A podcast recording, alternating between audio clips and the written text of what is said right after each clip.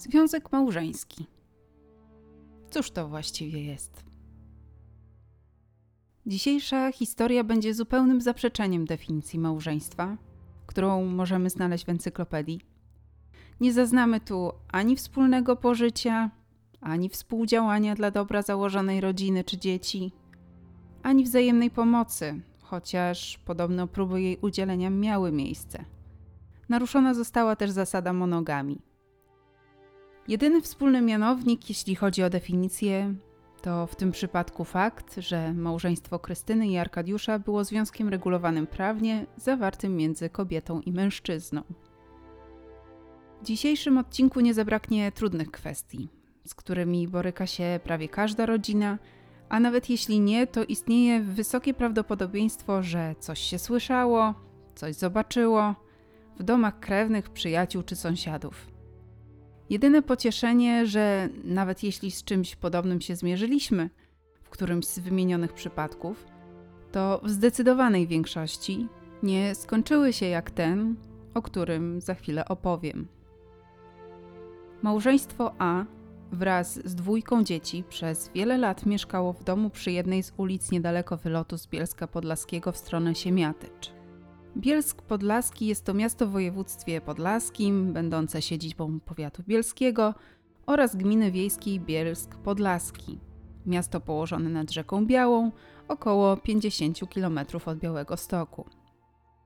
Krystyna A. była ekspedientką w jednym ze sklepów w Bielsku Podlaskim, Arkadiusz natomiast pracował jako kierowca tira. Kiedy się poznali, byli wtedy bardzo młodymi ludźmi, ale uczucie, które zaczęło ich łączyć, było na tyle silne, że bardzo szybko zdecydowali się na wzięcie ślubu. Niedługo później na świecie pojawiło się pierwsze dziecko, potem drugie. W zasadzie wydawało się, że niczego im nie brakuje.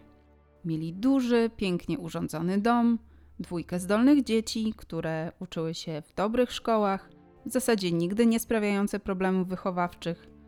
Przez znajomych para uznawana była za zgodną, taką, która dla wielu mogła być wzorem do naśladowania. Uznawani za otwartych, towarzyskich, chociaż przez niektórych aż za bardzo, bo nie stronili od spotkań ze znajomymi, a w zasadzie były to osoby, które nie przegapiły żadnej okazji do ucztowania.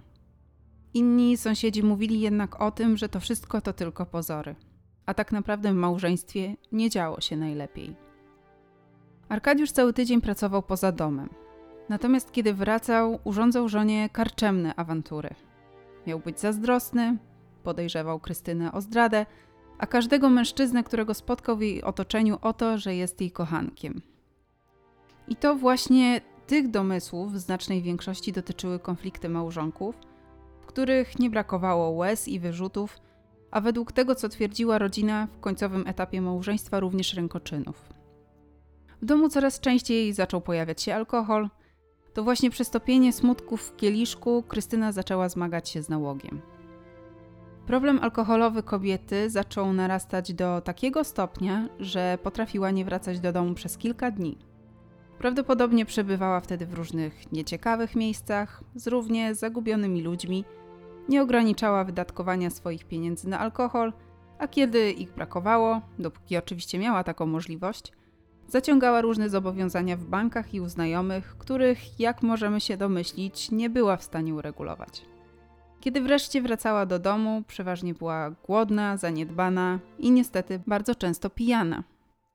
Jest 2011 rok, luty, dokładnie noc z 19 na 20, czyli z soboty na niedzielę. Znajomi Krystyny, którzy notabene mieszkali dość blisko jej domu, zaprosili kobietę na spotkanie, które przeciągnęło się do późnych godzin wieczornych.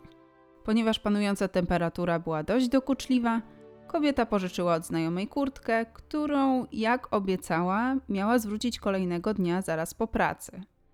Krystyna wracała sama do domu i to był ostatni raz, kiedy znajomi ją widzieli. W dniu zaginięcia miała 41 lat. Nikt nie wiedział, co mogło się wydarzyć, a zniknięcie kobiety sprawiło, że więcej było niewiadomych niż odpowiedzi. Nikt też nie zgłosił oficjalnego zaginięcia Krystyny.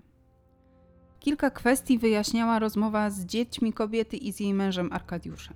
Zgodnie twierdzili, że Krystyna pojechała za granicę. Jak sugerowali, nie zrobiła tego sama, a z nowo poznanym kochankiem. Stwarzali obraz pokrzywdzonych i porzuconych. Mąż przez niewierną żonę, a dzieci przez wyrodną matkę. Twierdzili, że kobieta zerwała z nimi wszelkie kontakty i nie są w stanie nic więcej powiedzieć, poza tym, że już jej w ich życiu po prostu nie ma. Nie zabrakło oczywiście uszczypliwych żartów, jakoby Arkadiusz zabił żonę i wywiózł ją z Bielska tirem, bo jak twierdzili znajomi kobiety, była ona na tyle szczera, że o planach wyjazdu na pewno by ich poinformowała. Zapewne w tamtym momencie nikt nie przypuszczał, że takie niewinne żarciki będą miały swoje odbicie w rzeczywistości. Coś w tej układance jednak nie pasowało. Zarówno przyjaciele kobiety, jak i jej rodzina zgodnie twierdzili, że nie mogłaby tego zrobić, że nie mogłaby wyjechać bez pożegnania. Chociaż mieli złe przeczucia, to dopiero po dłuższym czasie zdecydowali się na poważniejsze kroki w tej sprawie. Poza obawami i przeczuciem, nierozwiązana pozostawała też kwestia zatrudnienia kobiety. Nie zwolniła się z pracy, nie uzgodniła długości ewentualnego urlopu, tak naprawdę w ogóle nie poinformowała, że planuje jakąkolwiek nieobecność. Arkadiusz z kolei sukcesywnie zbywał przedstawicieli firmy, którzy chcieli wręczyć kobiecie wypowiedzenie i wykreślić ją z listy pracowników. Podobno wtedy w celu uniknięcia nieprzyjemności do pracy w tym samym sklepie, w którym pracowała Krystyna, zatrudniła się jej córka. Kolejny fakt, który zastanowił zatroskanych bliskich, to to, że ani dzieci, ani mąż nie chcieli przekazać aktualnego numeru telefonu Krystyny, ani wskazać sposobu, dzięki któremu kontakt z kobietą byłby możliwy. To wtedy zgłosili swoje obawy na policję, która na początku nie chciała zorganizować poszukiwań. Zapewne z tego powodu, że Krystyna była dorosła, jej styl życia pozostawiał wiele do życzenia, opinia zapewne też nie należała do najlepszych. Poza tym zawsze mogła zrobić to, o czym informowali mąż i dzieci, czyli po prostu wyjechać za granicę z nowym partnerem. I chociaż w pierwszym etapie wydawało się, że w tej sprawie wszystko jest jasne, a całe dochodzenie to efekt strachu i niepewności o zdrowie i życie kobiety, to końcowe ustalenia mogą nieźle zaskoczyć. Policja w swoich działaniach skupiła się na najbliższych Krystyny. Przesłuchano jej męża Arkadiusza, którego nawet zatrzymano, ale dopiero w styczniu 2016 roku, czyli 5 lat po tym, jak ślad po kobiecie zaginął. Arkadiusz A. usłyszał wtedy zarzut zabójstwa. W ramach prowadzonego dochodzenia przekopano całą posesję wokół domu małżeństwa, a nawet stojące tam chlewiki i szopy. Ale odnaleziono jedynie kości należące do zwierzęcia w miejscu, gdzie kiedyś stała Buda. Kierując się regułą nie ma ciała, nie ma zabójstwa oraz po zażaleniu, które złożyła obrona Arkadiusza, mężczyzna został wypuszczony z aresztu. Przełom nastąpił dopiero dwa lata później, czyli w 2018 roku, dokładnie w maju, niedaleko wsi Malesze, położonej na Podlasiu w gminie Wyszki, jak się później okazało, wsi, z którą był związany Arkadiusz, ponieważ była to jego rodzinna miejscowość. W pobliskim lesie, ukryty kilka metrów pod ziemią, znajdował się dywan, a w nim kości. Autopsja wykazała, że należały one do zaginionej przed siedmioma laty Krystyny. Biegli wykryli ślady ciosów, które były zadane ostrym narzędziem. Powyższe stwierdzono po oględzinach żeber. Stwierdzono, że ciosy były co najmniej dwa. Na podstawie ustaleń śledczych mąż Krystyny, Arkadiusz, został ponownie aresztowany, jednak tym razem sprawa trafiła do sądu. Śledztwo prowadzone było przez funkcjonariuszy Wydziału Dochodzeniowo-Śledczego Komendy Wojewódzkiej Policji w Białymstoku, ściśle współpracujących z Wydziałem Kryminalnym pod nadzorem Prokuratury Okręgowej w Białymstoku. W ramach prowadzonego postępowania w poszukiwania kobiety włączył się również specjalista do profilowania geograficznego, czyli osoba, która miała pomóc w ustaleniu miejsca potencjalnego ukrycia zwłok oraz stworzono i przeanalizowano profil psychologiczny ofiary i potencjalnego sprawcy.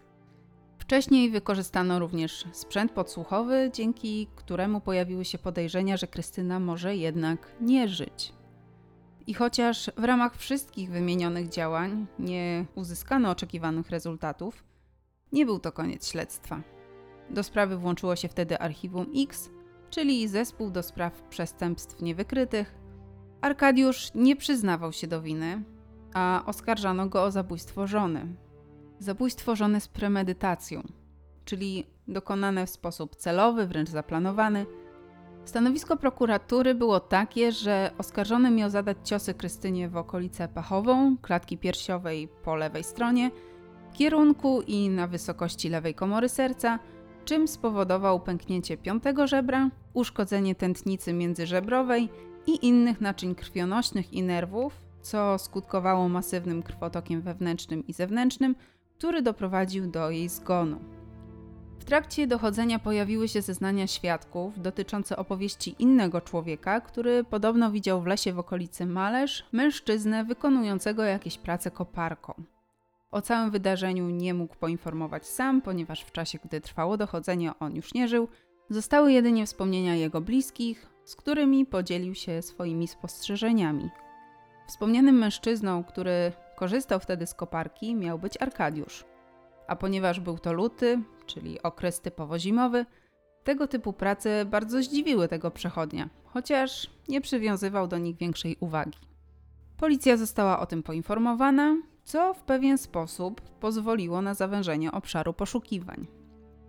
Jeśli chodzi o Arkadiusza, to kilkukrotnie zmieniał zeznania. W późniejszym etapie domagał się nawet, by sąd uznał czyny popełnione przez oskarżonego jako działanie w afekcie w związku z chorobą alkoholową żony i awanturami, które stale gościły w domu małżeństwa A. Ale co właściwie zeznał Arkadiusz? Na początku twierdził, że śmierć żony to nieszczęśliwy wypadek.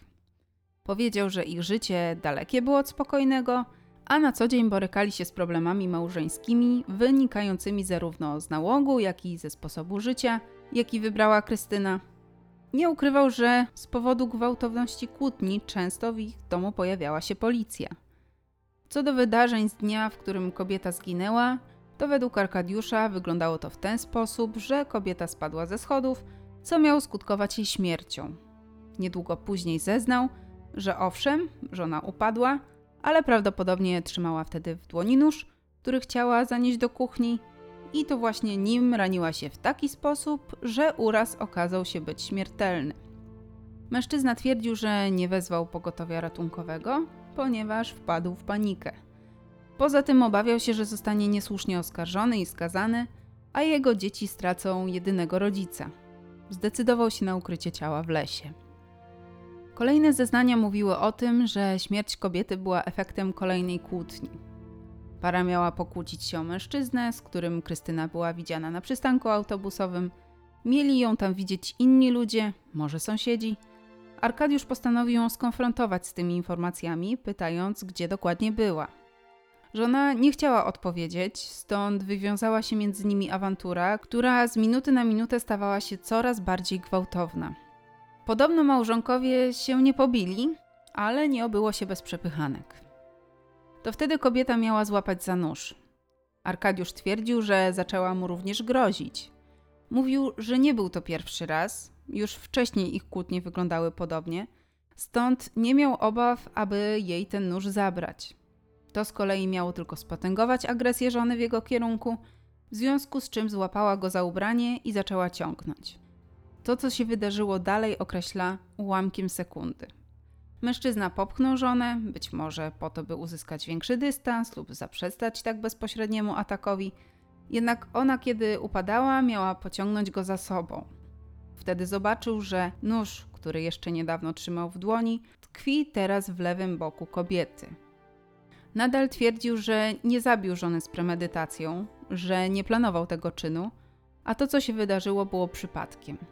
Następnie zabrał zwłoki żony do garażu, wypił nawet nalewkę, po czym zawinął ciało kobiety w dywan i postanowił ukryć je w lesie niedaleko rodzinnej miejscowości.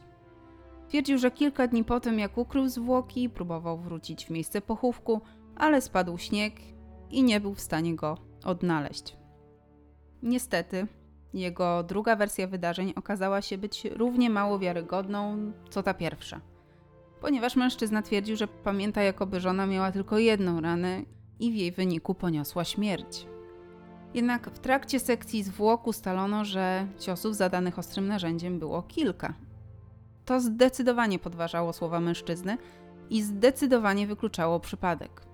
Poza tym to, że minęło tyle lat od momentu ukrycia ciała żony do dnia, w którym jej szczątki zostały przypadkowo odkryte, i fakt, że Arkadiusz żył przez cały ten czas ze świadomością, co uczynił, oraz to, że stworzył zupełnie inny przebieg wydarzeń, który chętnie przedstawiał każdemu zainteresowanemu losem Krystyny, również wykluczało jego szczere intencje.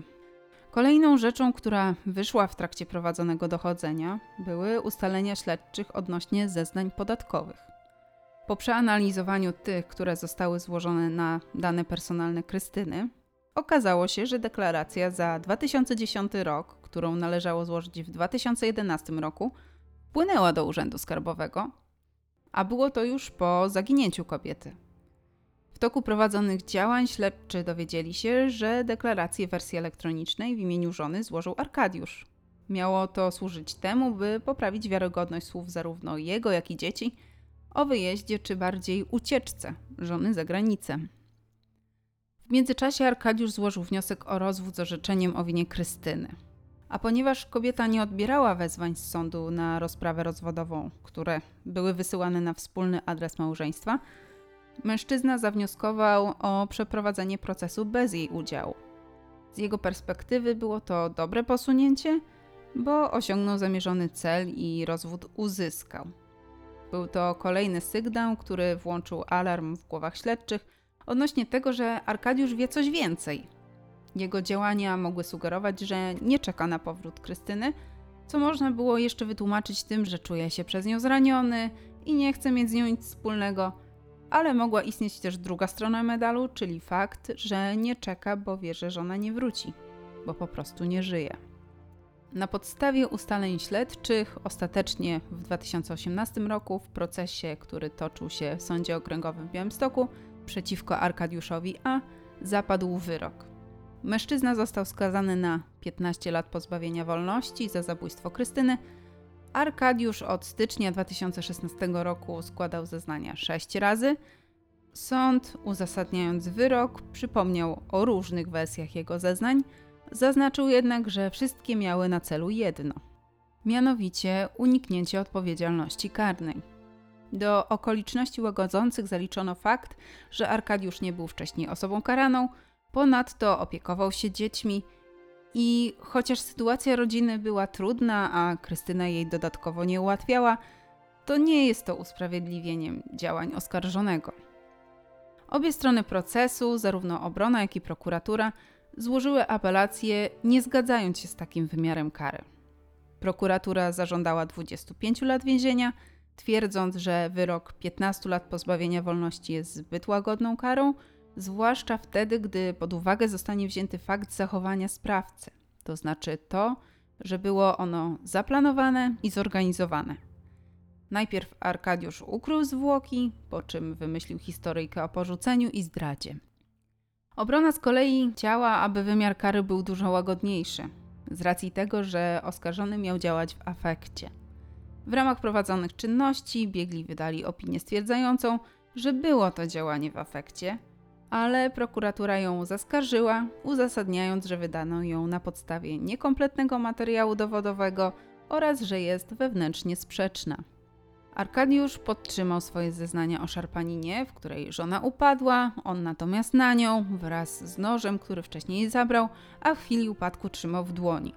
Dalej sugerował, że całe zajście miało charakter przypadkowy. Sąd apelacyjny nie uwzględnił argumentów żadnej ze stron i utrzymał wyrok pierwszej instancji. W uzasadnieniu pojawiła się argumentacja, że wyjaśnień Arkadiusza nie można uznać ani za konsekwentne, ani za spójne. Ponadto podważono również stanowisko obrony o zbrodni w afekcie, czyli sytuacji silnego wzburzenia emocjonalnego uzasadnionego okolicznościami. Sąd uznał, że w przypadku zbrodni w afekcie charakterystyczną cechą jest jej chaotyczność, głównie jeśli chodzi o sposób zadawania ciosów. Zwykle jest ich wiele, często zadawane są w silnych emocjach, może nawet trochę na oślep. Działania Arkadiusza ocenił na skoordynowane, głównie w odniesieniu do czynności, które podjął po śmierci żony. Sąd ocenił, że chociaż dokonane przez niego zabójstwo mogło się wiązać z silnymi emocjami i nie jest to sytuacja nadzwyczajna, to jednak nie ma ona nic wspólnego z afektem fizjologicznym czy stanem silnego wzburzenia emocjonalnego. Sprawcy dokonujący zbrodni w afekcie często mają problemy z pamięcią i przekazaniem szczegółów swoich czynów. W przypadku Arkadiusza jego zeznania w dość dobry sposób odwzorowały cały przebieg wydarzeń, chociaż nie we wszystkich punktach były konsekwentne czy spójne. W argumentacji odnośnie tego, że wymiar kary nie został zaostrzony, pojawiły się kwestie, iż zabójstwo nie było efektem ani chęci uzyskania znacznej ilości pieniędzy, ani ukrycia innej zbrodni, czy wreszcie po prostu nie była ona planowana. Obrona zapowiedziała kasację do Sądu Najwyższego. Po zapoznaniu Sąd Najwyższy uznał ją za bezzasadną i kasacja została oddalona. Jeśli chodzi o postać Arkadiusza, to jest on określany najmroczniejszymi epitetami. Chociaż najczęściej pojawiającym się było określenie, że jest on po prostu zwyrodniały. Dlatego najbardziej zaskakująca może się wydawać postawa dzieci małżeństwa, które prawie że w sposób bezkrytyczny podeszły do zachowania i czynu ojca. Zgodnie twierdziły, że ich matka była osobą, która miała problem alkoholowy, która potrafiła znikać na kilka dni, w związku z czym nie uczestniczyła w ich życiu w taki sposób, w jaki może by tego oczekiwały. W czasie procesu pojawiły się opinie, że ojciec nastawiał, a wręcz buntował dzieci przeciwko matce, stąd ich chłodny stosunek do Krystyny. Syn podczas zeznań stwierdził, że gdy matka była poza domem, wtedy było po prostu normalnie. Natomiast zdarzało się, że kiedy znikała na wiele dni, wspólnie szukali jej po lasach i melinach. Pojawiły się też komentarze osób niezwiązanych bezpośrednio ze sprawą, że córka małżeństwa była dość mocno skonfliktowana z matką jeszcze na długo przed jej śmiercią. Spór podobno dotyczył jakiegoś mężczyzny. Być może powodem, dzięki któremu dzieci zdecydowały się wspierać Arkadiusza, były emocje i wspomnienia, zapewne często niełatwe, z jakimi musiały się mierzyć przez sposób, w jaki ich matka zdecydowała się żyć. Uważały, że to, co się wydarzyło, było wypadkiem, a w zaistniałej sytuacji chcą mieć chociaż jednego rodzica. Arkadiusz zaznaczył, że powiedział im o całym zdarzeniu.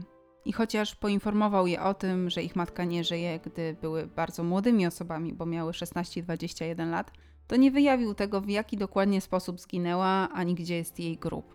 Z tego, co mówili sąsiedzi rodziny, wynikało, że kiedy córka Krystyny i Arkadiusza wychodziła za mąż, dopytywali, czy matka zjawi się na tak ważnej uroczystości rodzinnej, czy przyjedzie z tej okazji do Polski.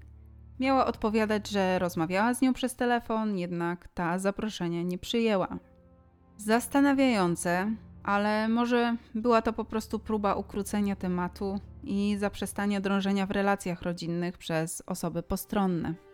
W ustaleniach śledczych nie pojawiły się też dowody na to, że dzieci brały czynny udział w całym zajściu, stąd po przeanalizowaniu wszystkich faktów dzieciom małżeństwa A nie postawiono zarzutów.